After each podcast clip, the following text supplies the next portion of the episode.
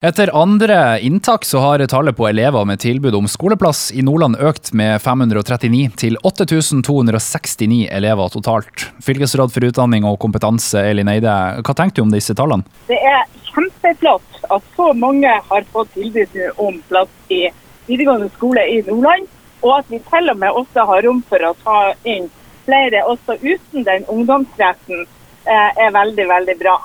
Så jeg syns det er utrolig artig at ni av ti har fått førstevalget sitt eh, innfridd også, med årets inntak. Er det, er det en sånn vanlig greie at det skjer hvert år, eller? Det vanlige greia som skjer hvert år, eh, det er at vi får tallene på hvor mange som eh, får førstevalget sitt, og hvor mange som tas opp. Det er vanlig.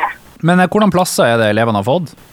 Det som er tatt opp akkurat her nå, det er altså Nå er det 8269 elever totalt som har fått tilbud om skoleplass fra, i videregående fra høsten av. Så ser jeg i, i pressemeldinga at elevene som fikk tilbud ved andreinntaket, de, de har kort tid på seg på å svare? Ja, de har veldig kort tid, så det er bare å svare med en gang.